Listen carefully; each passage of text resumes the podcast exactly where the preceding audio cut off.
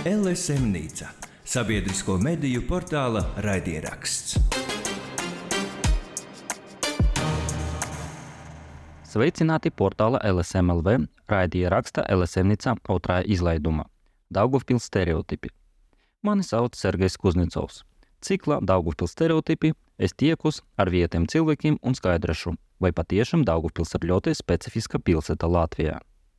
Tā ir pirmā epizode, un mana viese ir Inga Belausā, pilsētas aktiviste, biedrības Cita Daugavpils un Zaļa brīvība dalībniece. Iesaku izbaudīt epizodi un sākt iepazīšanos ar manu pilsētu Daugavpili. Inga, labdien! Sveiki! Jūs varat plašāk pastāstīt par sevi.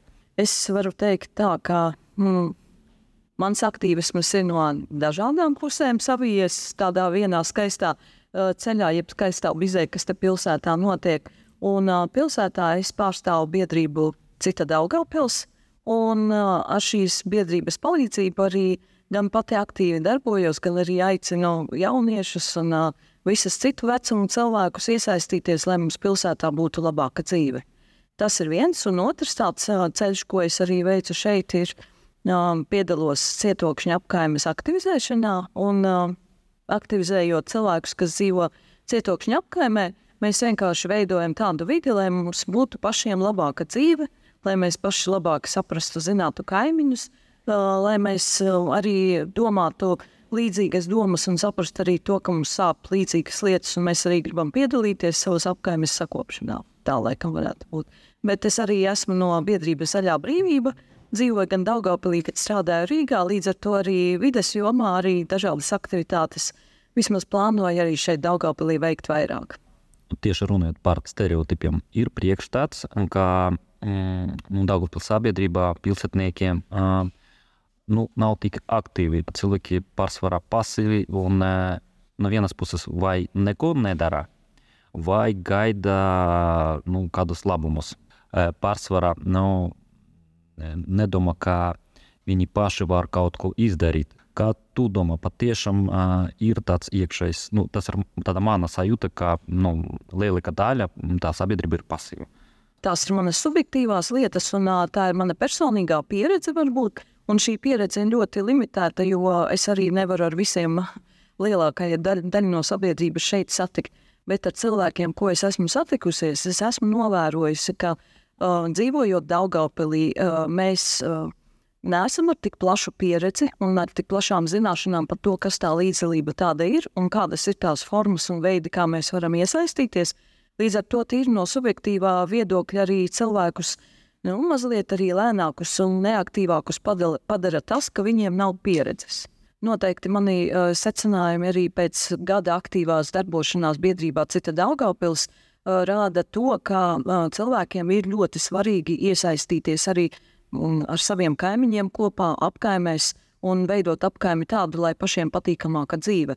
Līdz šim Daugaupilī apkaimi aktīvismas nav bijis nu, tāds izplatīta lieta, bet par šo gadu mēs esam novērojuši, ka ir ne tikai cilvēki aktivizējušies vairāk apkaimēs, bet arī izveidojuši savas vietējās saziņas grupas, piemēram, WhatsApp čatus. Uh, ir regulāras, vai regulārākas, vai neregulārākas, bet tikšanās. Un arī uh, pilsētas, arī ar turismu saistītie cilvēki, kas strādā šajā jomā, arī ir vairāk interesēti, mums jau arī ir izveidojušās kopīgas tikšanās, kur mēs arī plānosim ne tik vieni paši no nevalstiskās vai no aktīvismu jomas, bet arī kopā ar pašvaldību. Es varu teikt, tā, ka šis viss ir diezgan jauns Daugopilī, jo uh, pilsētā pašā, uh, teiksim, no sistēmiskā viedokļa, mēs šeit arī neredzam to, ka uh, pilsētas um, uh, iespējas mums ir ļoti daudzas, kur iesaistīties. Jo tās pašvaldības, kuras ir izmantojušas līdzdalības budžetu, kā veidu, kā aktivizēt savus cilvēkus, uh, Tajās pašvaldībās mēs redzam, cik ļoti liela atšķirība jau ir divu, trīs pēdējo gadu laikā notikusi. Paskaidrot, kas to nozīmē līdzdalības budžets. Varbūt ne visi saprat, par ko iet runāt. Līdzdalības budžets ir dažādas iniciatīvas, kuru īstenošanu var pieteikt aktīvi cilvēki vai apkaimju kopienas pilsētā, nu, lai pašiem šo dzīvi veidot labāk. Un pēc būtības tur ir balsošana arī kur um, cilvēki paši nosaka, kuras no pieteiktajām aktivitātēm ir tās, kas ir vairākumam uh, interesantas un vairākumam šķiet vajadzīgākas, un tad uh, pilsēta šo līdzdalības budžetam atlikto naudu arī ar šo palīdzību tās aktivitātes vai infrastruktūru uzlabo un to visu īsteno. Un kā Daugavpilī ar to? Un Daugavpilī mēs gaidām līdz 25. gadam, kad šis gads, kad līdzdalības budžets visām pašvaldībām būs obligāts, pagaidām ir brīvprātīga lieta, un, kā jau es teicu, vairākas pašvaldības Latvijā ir sadūšojušās jau šo līdzdalības budžetu īstenot, un mēs redzam atšķirību, kādā tempā arī veidojas tā pilsoniskā līdzdalība un pilsoniskās iniciatīvas un cilvēku pašu piesaistīšanās. Un īstenībā tas nav tikai tā, ka es kaut ko labu gribu infrastruktūrai savā apkaimē. Tas ir arī tas, ka es daudz labāk iepazīstos ar kaimiņiem, kopīgus darbus veicot. Es uh, sajūtu arī to, ka es piedaru šai konkrētajai apkaimē vai konkrētai vietai, kur es dzīvoju, un es arī jūtos daudz labāk, jo tad, kad es piedalos kopīgu darbu veikšanā, man arī nu, rodas šī te, uh, labizjūtas sajūta un, protams, arī um, atbildības sajūta par kopīgi veiktajiem darbiem. Vispār tas veicina arī to, ka pašvaldībā uh, iedzīvotāji ir nevis klienti, bet ir tie, kas paši arī piedalās attīstības veikšanā. Tavuprāt, kāpēc Daugavpils gaida nu, līdz pēdējai brīdim? Jo varam jau Jā. faktiski šodien sākt to līdzdalības budžetu realizēšanu. Fakts tieši ir tāds, ka mēs jau varējām sākt jau iepriekš, jau pagājušajā gadā varējām sākt. Ja es strādātu pašvaldībā, es droši vien atbildētu precīzāk, bet pagaidām es īsti pat spekulēt nezinu un negribu, jo man, mans darbs nav saistīts ar pašvaldības šīm visām jomām. Līdzdalības uh, budžeta ideja, uh, ka, kaut kā skanēja Daugavpils telpa, vai patiešām tāda nu, ierobežota loka cilvēku, kuri interesēta, zina par to. Bet citi, nu, man ir nu, tāda sajūta, ka nu, daži pir, pirmreiz, pirmreiz par to var sadzirdēt. Mēs jau esam runājuši no citas Daugavpils pasākumā, kas notika šī gada maijā. Šajā pasākumā, kurš saucās um, apkaimju līdzdalības stāsti, uh, šajā pasākumā mēs tieši uzsvērām domu, ka Daugavpilī dažas apkaimes jau ir aktīvas, un tad stāstījām stāstus, kā šīs apkaimes ir radušās, un tad mums bija saruna ar domas pārstāvjiem arī par līdzdalības veidiem, par to, ko uh, pašvaldība sagaidītu no aktīvajiem iedzīvotājiem, kas mums varētu būt kopīgās lietas veicamās, un arī mēs runājam par līdzdalības budžetu. Un uh, šajā sarunā un arī tālākajās diskusijās esam noskaidrojuši to, ka pašvaldība izmanto iespēju brīvprātīgi šo budžetu vēl neieviest. Bet 25. gads noteikti ir tas, kas mums dos vairāk iespējas. Tur runājot par aktivitātēm un cilvēkiem, kuri iesaistīti šajās aktivitātēs, jā. Bet arī man liekas, ka Daugavpilē ir tāds priekšstats, ka nu, nemīļ tos cilvēkus, kuri būtu tādi aktīvi, aktivisti. Jo bieži man liekas, cilvēki baidās pateikt kaut ko skaļi, ko viņi grib patiešām, kā uzlabot savu vidi, labāk paklusēt. Un arī pateikt tiem, kuri būtu runa kaut ko skaļi, mēģina kaut ko um, izveidot, viņiem arī viņi teica, nu, nevajag, nevajag. Nu, priekš kā ir tā pašvaldība vada, bet cilvēki, viņi zina, ko darīt, ko mēs varam, mēs esam tam mazie cilvēciņi. Mm -hmm. Jā, tas, ko tu saki, ir īstenībā tāda klienta filozofija, ka mēs kā pašvaldības iedzīvotāji esam klienti un uh, izmantojam tos pakalpojumus vai tās iespējas, ko mums pašvaldība sniedz. Būtībā labs klients ir tas, kurš, um, kurš šos pakalpojumus izmanto un kurš būtībā atstāja uh, visu infrastruktūru tādu, kā ir, nu, to neizpostot. Uh, mēs ejam vēl tālāk, un mēs skatāmies uz to, ka sabiedrībā ir svarīgi veselīgai sabiedrībai un uh, tādai sabiedrībai, kas ir pati apmierināta ar to, ko viņa dara, arī iesaistīties vairāk. Ne tikai tajā, ka es izmantoju pakalpojumus, bet arī pirmām kārtām, ka mēs kopīgi ar pašvaldību plānojam lietas un uh, dodam savu arī ieteikumu. Uh, svarīgi, ka šīs dažādas cilvēku grupas nāk kopā un izsaka savas vēlmes. Jo, ja mēs, piemēram, skatāmies uz jauniešu līdzdalību arī vēlēšanās, vai jauniešu vispār palikšanu šeit Daugavpilī, tad mēs īsti uh, tīri formāli redzam, ka viņi nav sevišķi daudz piesaistīti un arī nav tik ļoti aktīvi vēlētāji. Bet mēs to ļoti, ļoti gribētu. Tāpēc arī nu, ir šīs visas gan apkaimē kustības, kas varētu būt ļoti lieliska telpa, kur jaunieši piedalās. Piemēram, tagad nu, pat tās nesen Križos uh, izremontēja pieturu, un uh, križu pensionāru biedri. Križi tas ir uh, Daugavpils viens no nu, mikrorajoniem, varam teikt, lai būtu cilvēkiem skaidrs. Jā. Jā. Uh, pēc vecā mēs sakam mikrorajoni, un pēc jaunā uh, teritoriālā attīstības plāna, kas tika pieņemts pilsētā 20. gadā, tad mēs jau sakam, ka ir pareizais vārds ir apkaimes. Tagad mm. mēs runājam par apkaimēm, lai būtu skaidrs jā, par to par terminoloģiju. Jā. Tieši tā terminoloģija pareizā ir apkaimes. Un križu apkaimē jauniešus pie, pieaicināja pensionāru biedrība, uh, kurā vēlējās, lai būtu arī jauniešiem interesantāka infrastruktūra. Un kopā ar jauniešiem nu, to pieturu izremontē. Man liekas, ka uh, mazs, nenozīmīgs varbūt, bet tāds uh, foršs piemērs, kā sadarboties divām vecuma grupām. Un ne tikai vecuma grupām, mēs arī zinām, ka Daugavpilī mēs esam etniski ļoti dažādi. Līdz ar to būtu veiksmīgi, ka, ja mums ir viena dzīves telpa, viena apkaime, kurā mēs dzīvojam, ka mēs visi rosītos arī tajā, neskatoties ne uz to, kāds mums ir vecums, neskatoties, kāda mums ir etniskā piedarība, bet uh, mums vieno konkrēti šī apkaime. Vēl teorētiski pie tava jautājuma es gribu teikt, ka ir dažādas arī o, dažādas diskusijas vai diskursi dažādi par to, kā, kā, kādā telpā mēs dzīvojam un kā šī telpa mums iespaido. Es arī esmu pati um, diskutējusi un lasījusi par tādām lietām kā homosovetikus pieredze. Būtībā tas ir tāds pilsonis, kurš īsti neusticās demokrātijas procesiem un kurš uh, neko arī uh, savā dzīvē nav sevišķi daudz gatavs iesaistīties un darboties tālāk. Tāpēc nu, man liekas, Daugupilī populārā tāda tendence kā stingra roka. Ja padomju pieredze, mantojums vairāk mēs varam teikt, turpina eksistēt. Nospiedami no padomju laika mūsu tādā lēmumu pieņemšanas un domāšanas procesiem.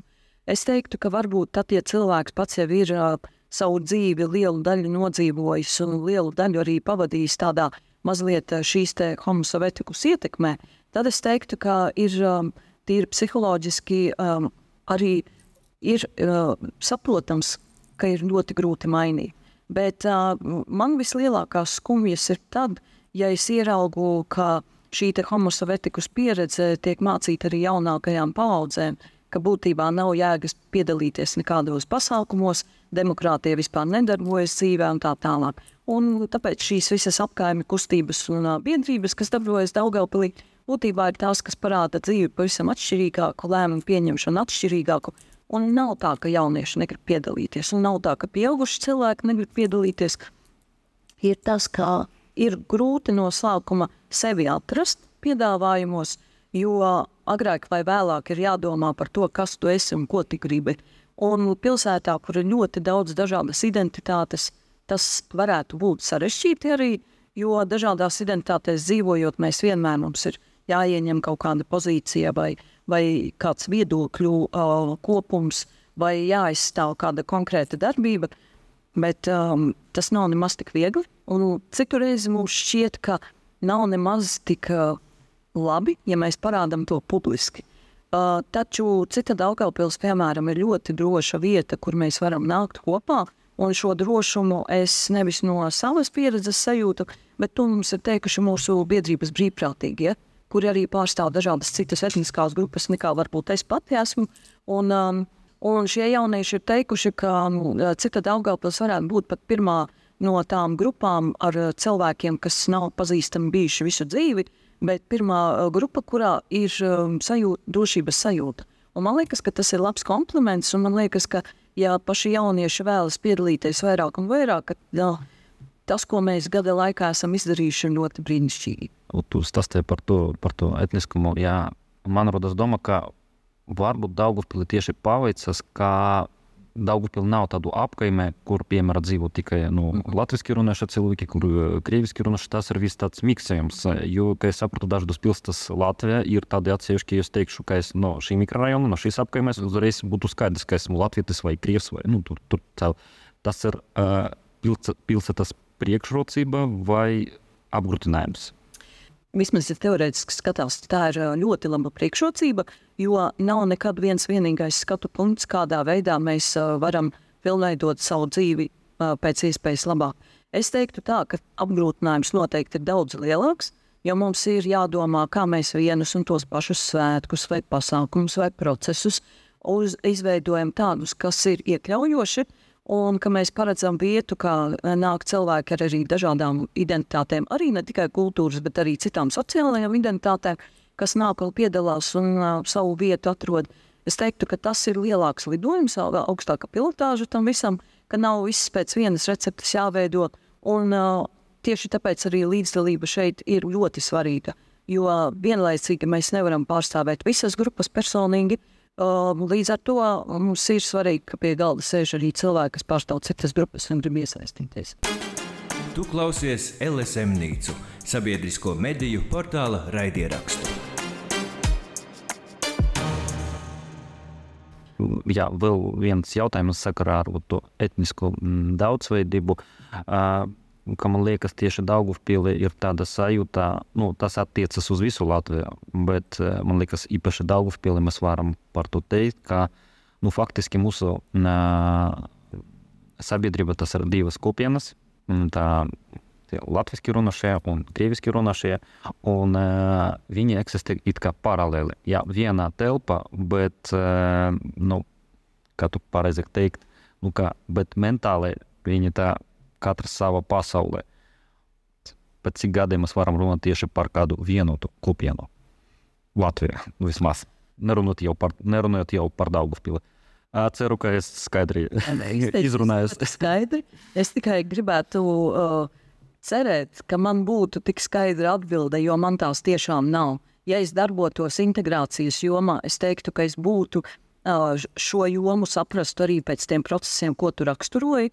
Es varu teikt tā, ka mana pieredze ir ne tik dramatiska, kā to nosauci, ka, ka mēs būtībā izmantojam šīs dažādas informācijas telpas, varētu būt tā ir tiesa, Bet šeit es gribētu teikt, ka arī liela, uh, liela nozīme ir vecumam, jo noteikti skolu jauniešiem ir daudz lielākas priekšrocības arī valodas uh, lietojumā. Līdz ar to, uh, ja tie ir pasākumi vai aktivitātes, kur ir vēlēšanās iesaistīties, tad noteikti nekādā ziņā arī šī informācijas telpa nenosaka, kur nāk un ko darīt.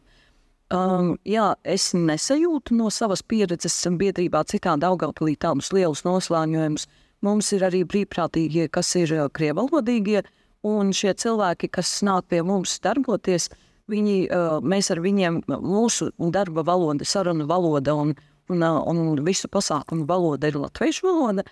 Mēs gan neskatāmies ne uz kļūdām, un nelabojam, ne kaut kādas nepiekasamies pie tādām lietām, jo mums ir svarīgi, ka cilvēki izsaka savas idejas, nevis mēs precīzi valodas konceptus mēģinam uzturēt Un, uh, man ir teikuši daži brīvprātīgie, ka mm, viens no uh, labajiem, uh, foršajiem aspektiem, kāpēc nāk un piedalās, ir arī tas, ka var uh, iedzīvoties latviešu runājošu cilvēku grupā un uh, kopīgi veikt šos procesus latviešu, jo tad arī šie latviešu vārdi, leksikoloģija, visi termini arī drusciņi vairāk zināmāki un drusciņi drošāk jaunieši jūtās ar tiem visiem.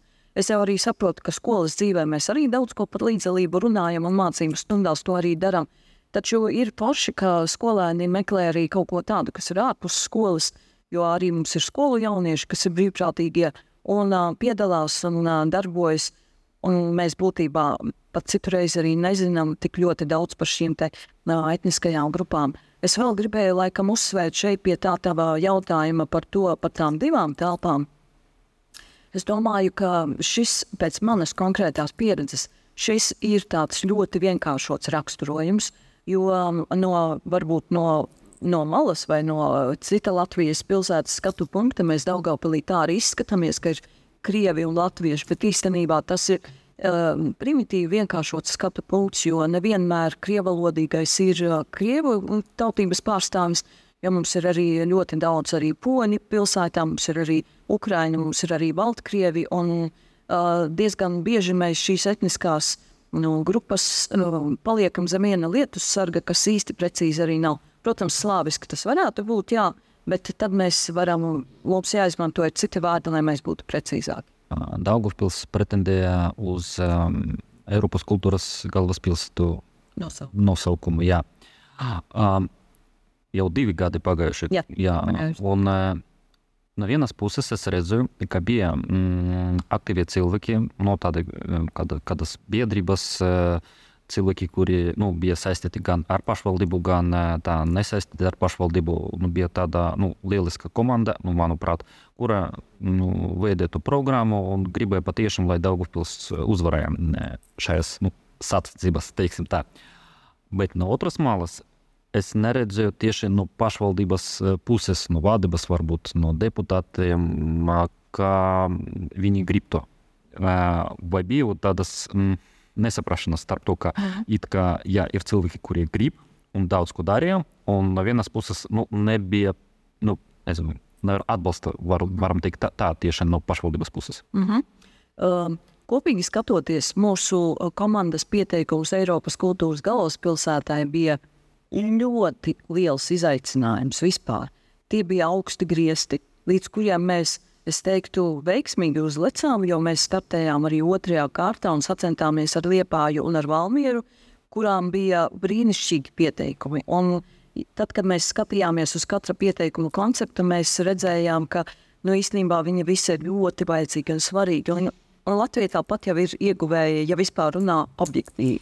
Bet subjektīvi, protams, mēs uh, cīnījāmies par Daugaupili, un uh, tas nebija ļoti vienkārši, taču mums bija um, arī uh, dažādi eksperti un organizācijas, kurām ir saknes šeit, Daugaupilī un arī. Un mums arī noveicās tas, ka arī citas pašvaldības no Latgales bija atsaucīgas. Un varbūt arī šis konkrētais pieteikuma rakstīšanas periods arī bija pirmais, kurš tā uh, uz ilgāku laiku, piemēram, Brēzaknes un Daugaupils aktīvistus un kultūras jomas pārstāvis saveda kopā pie viena galda, jo kaut kādā veidā mēs tomēr esam arī uz vietām un ne tik ļoti daudz sadarbību arī. Nu, šai momentā, jā, patiešām bija tāds sajūta, kā, kā apvienošanās moments, jā, jo parasti visi konkurē viens, starp, viens pret otru, jā, ar, arī Latgales mēroga.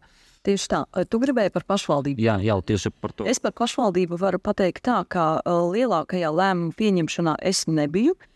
Jo es šajā pieteikumā pārstāvēju, būtībā biju atbildīga par ilgspējas konceptu un par pieteikumu ilgspēju. Taču to, ko es novēroju no pašvaldības, man ir ļoti atšķirīga pieredze.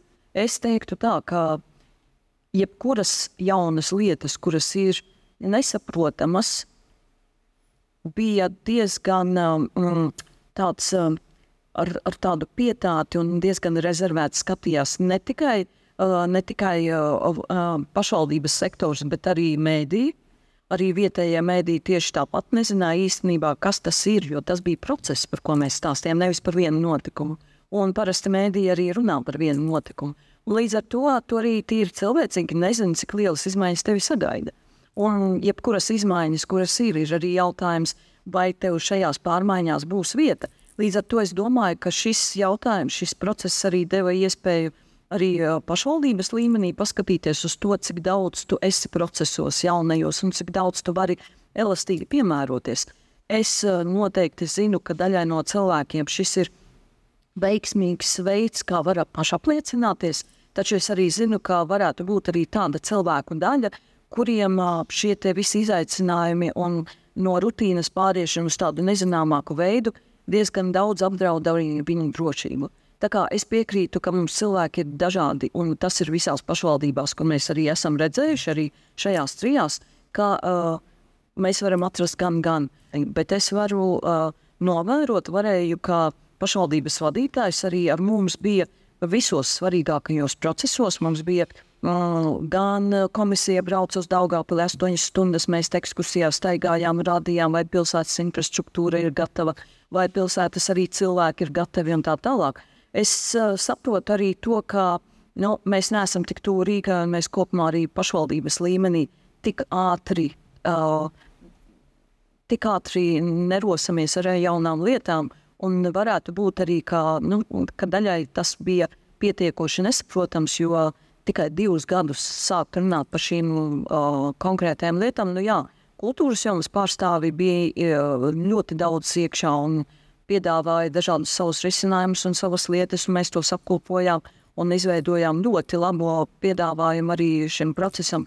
Taču, protams, ir arī cilvēki parastie, kuri neīpaši daudz sako līdzi notikumiem.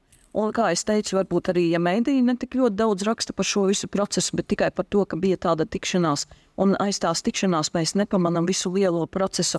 tad droši vien arī mēdīji daudz vairāk varēja darīt, ne tikai pašvaldība. Bet Daugopilī kā uh, rezultāts tam visam ir nevis tas, ka mēs nedabūjām kultūras galvaspilsētas noteikumu, bet tas, ka mēs um, pilsoniskajā aktivitātē ļoti labus tempus esam uzņēmuši. Jau gads ir pagājis, un mums ir daudzas dažādas vērtīgas tikšanās ir bijušas. Šitu darbību mēs varam nosaukt kā, kā lūzumu, atgriez, atgriezties pie mana pirmā jautājuma par to, par to pasivitāti, aktivitāti. Varam teikt, ka nu, no šī brīža nu, pakāpeniski ne tik strauji, bet tomēr nu, sabiedrības tā aktivitāte, kāda pilsoniska, tā pašapziņa, viņa izaugusi. Es teiktu tā, ka mēs noteikti uz to ceram. Jo pirmais darbības gads, tāpat kā jebkurās attiecībās, ir tāds romantisma periods, kad tu īsti nezini, cik ilgi tas viss turpināsies. Mēs, protams, vēlamies, lai tas turpinātos. Un tad, kad mēs, piemēram, rakstījām eh, sociālajos mēdījos, biedrības sociālajos mēdījos par to, ko mēs gada laikā esam izdarījuši, tad uh, mums no kopš šī perioda ir jau vēl jauni četri pieteikumi, lai darbotos biedrībā. Tā kā uh, jo vairāk mēs stāstam, jo vairāk mēs rādām, ko mēs izdarījuši esam, jo vairāk šīs praktiskās darbības ir tās, kur cilvēki identificējas ar sevi, ar savām vēlmēm, ar savām varbūt vajadzībām, un um, piesakoties biedrībai arī cer, vismaz pēc manām domām un, un manām diskusijām ar tiem, kas piesakās, ka cer, ka šajos procesos grib un vēlas ieguldīties tā, lai tie būtu plašāki. Es teiktu, ka pagaidām nav neviena rādītāja, kurš saka, ka mūsu darbība pēc pirmā gada iet mazumā. Mēs gluži pretēji ejam uh, plašumā un piesaistam jaunus cilvēkus.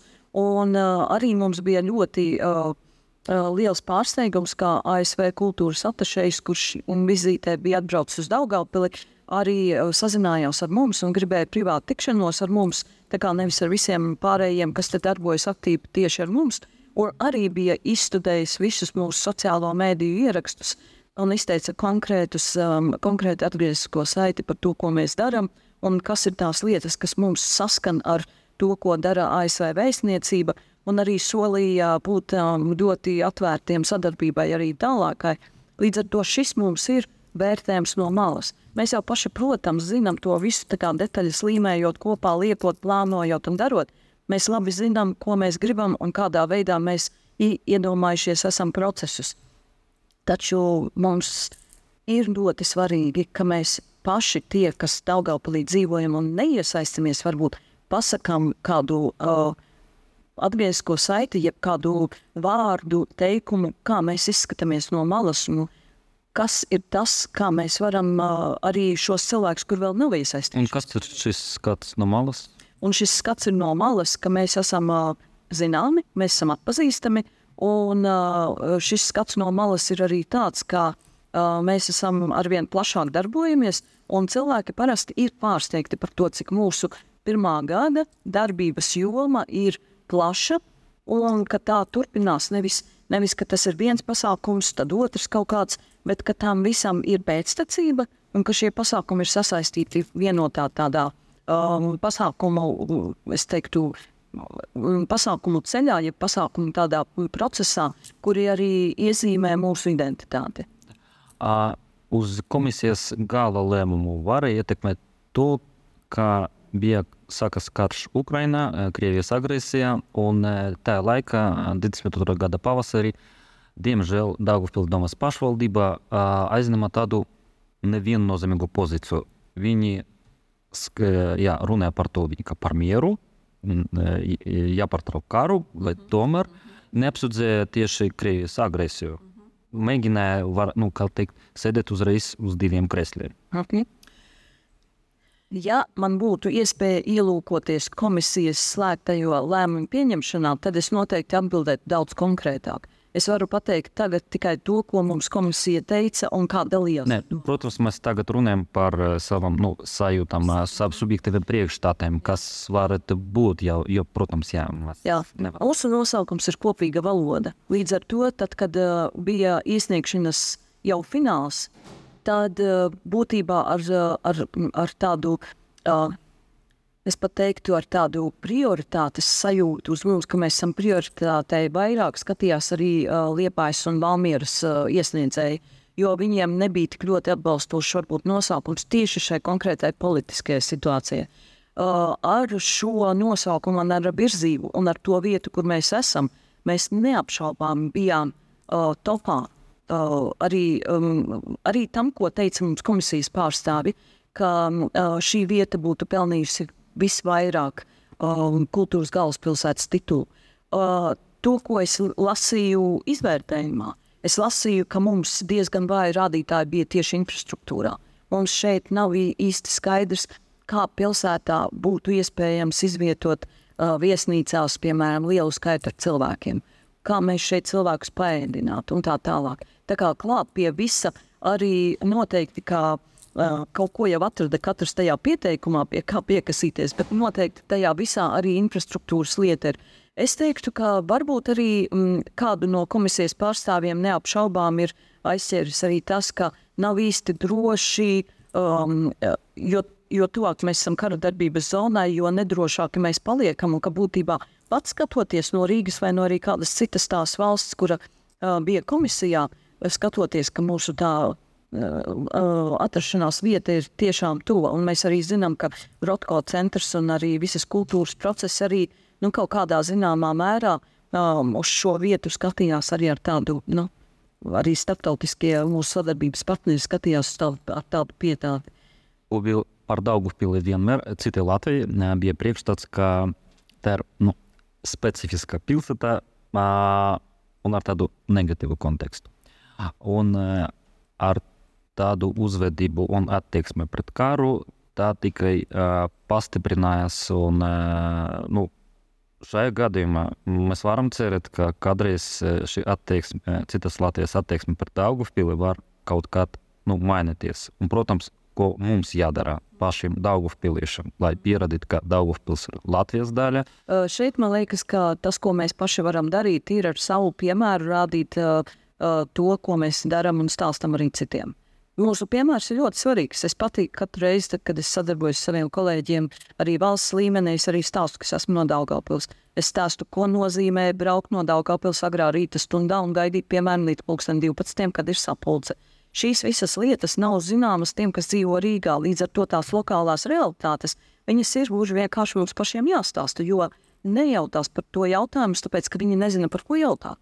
Viņiem nav šis pārskats. No otras puses ir arī tas, ka Mēs daudz ko varam darīt arī paši, esot šeit, reģionā un esot pilsētā, bet arī piedaloties un līdzdarbojoties nacionāla līmeņa pasākumos. Ja mēs tur nepiedalāmies, mēs būtībā nesam lielajā nacionālā līmeņa pieņem, lēmumu pieņemšanas procesā. Piemēram, vidas jomā konkrēti, ja darbojas tikai Rīgas vidas organizācijas, tad šīs balsis no reģioniem un īpaši no Latgales arī neizskan tik daudz, jo vienkārši pārstāvu nav tur. Līdz ar to šī interešu aizstāvība noteikti ir svarīga lieta arī nacionālā līmenī. Um, par visiem stāstiem, visiem pārējiem noteikti mums katram ir daudz pazīstami cilvēki, draugi vai, vai kolēģi, vai arī paziņas, kas dzīvo citur.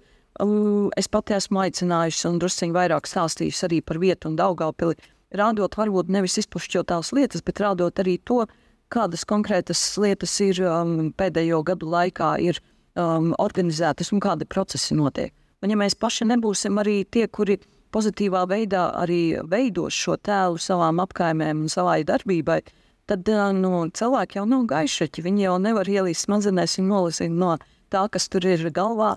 Ja mēs to nestāstām uz āru, bet ne... uh, mēs varam cerēt, ka kādreiz uz Daugavpili cita Latvija paskatīs ne kā uz eksotisku rezervātu, bet tiešām kā uz Latvijas daļu. Man uh, strādājot Rīgā un Daugaupilī esot, uh, man neliekas, ka liela daļa no Latvijas skatās uz Daugaupilī kā uz eksotiku. Uh, ir tā, ka nevalstiskajā jomā lielākās Latvijas organizācijas pašas ir bijušas pa šo gadu pēdējo Daugaupilī, Rēzaknē un citās Latgales vietās organizējušas seminārus, jo viņi arī saprot to, ka ja valstiskā lieta ir visiem kopīga, tad savu, o, savu darbību un savu kapacitāti ir jāliek arī tur. Un, manuprāt, tas ir ļoti labs žests arī, ka uh, ir daudz stāstu no uh, tiem, kas dzīvo citur arī par Daugavpili. Man neliekas tik ļoti sabiezinātās krāsās. Es gribu teikt, ka varbūt arī tāpēc, ka es ticu pozitīvajam pati jau Līdz ar to šīs pieredzes mazliet šķiroju. Bet uh, arī no manām pieredzēm man īsti nešķiet, ka mēs esam naidīgi. Mēs esam eksotiski, jā, jo cilvēki gluži vienkārši uh, netik daudz pārvietojas kā mēs uz Rīgu. Uh, Rīgas ietvaros varbūt uh, no Rīgas tālāk pārvietojas uh, uz citām valstīm arī ar lidmašīnām vai citādi. Bet um, Latgale noteikti nav bijis stofā. Taču pandēmijas laiks ir daudz ko mainījis. Un pandēmijas laikā bija tā spiestā dzīvošana vienā valstī vai reģionā, kur es ar mašīnu varu aizbraukt. Līdz ar to ir daudz stāstu forši par latgali tieši no šī laika, kad cilvēki ir savās mašīnās sēdušies un izbraukājuši arī tos reģionus un pilsētas un vietas, ko nezina. Un uh, es arī domāju, ka ja mēs paši mēģinātu skatīties uz tiem, kas dzīvo Rīgā, nevis kā uz naidīgiem, bet kā uz sadarbības partneriem, tad uh, diezgan daudzas lietas arī uh, atrisinātos tīri tajā attieksmes jautājumā. Jo, ja mēs nākam kā atšķirīgie un tādu ieņemam uh, sacensības formātu vai aizstāvēšanās formātu, tad būtībā mums pašiem diezgan grūti ir runāt sadarbībā, ja mums ir pavisam cita ploza. Inga, paldies par sarunu. Šodien viesos podkāstā LSMNICA Daugavpils stereotipi bija Inga Belousa, aktīvā Daugavpils iedzīvotāja. Paldies jums un līdz nākamajam tikšanam. Jūs esat noklausījies pirmo LSMNICas podkāstu Daugavpils stereotipi epizode. Lai nepalaistu garām nākamās epizodes, neaizmirstiet sekot līdzi mums sev iecienītākajās podkāstu platformās. Paldies, ka klausīties un tiksimies nākamajā epizodē. Paldies, ka biji ar mums LSM Nīcā.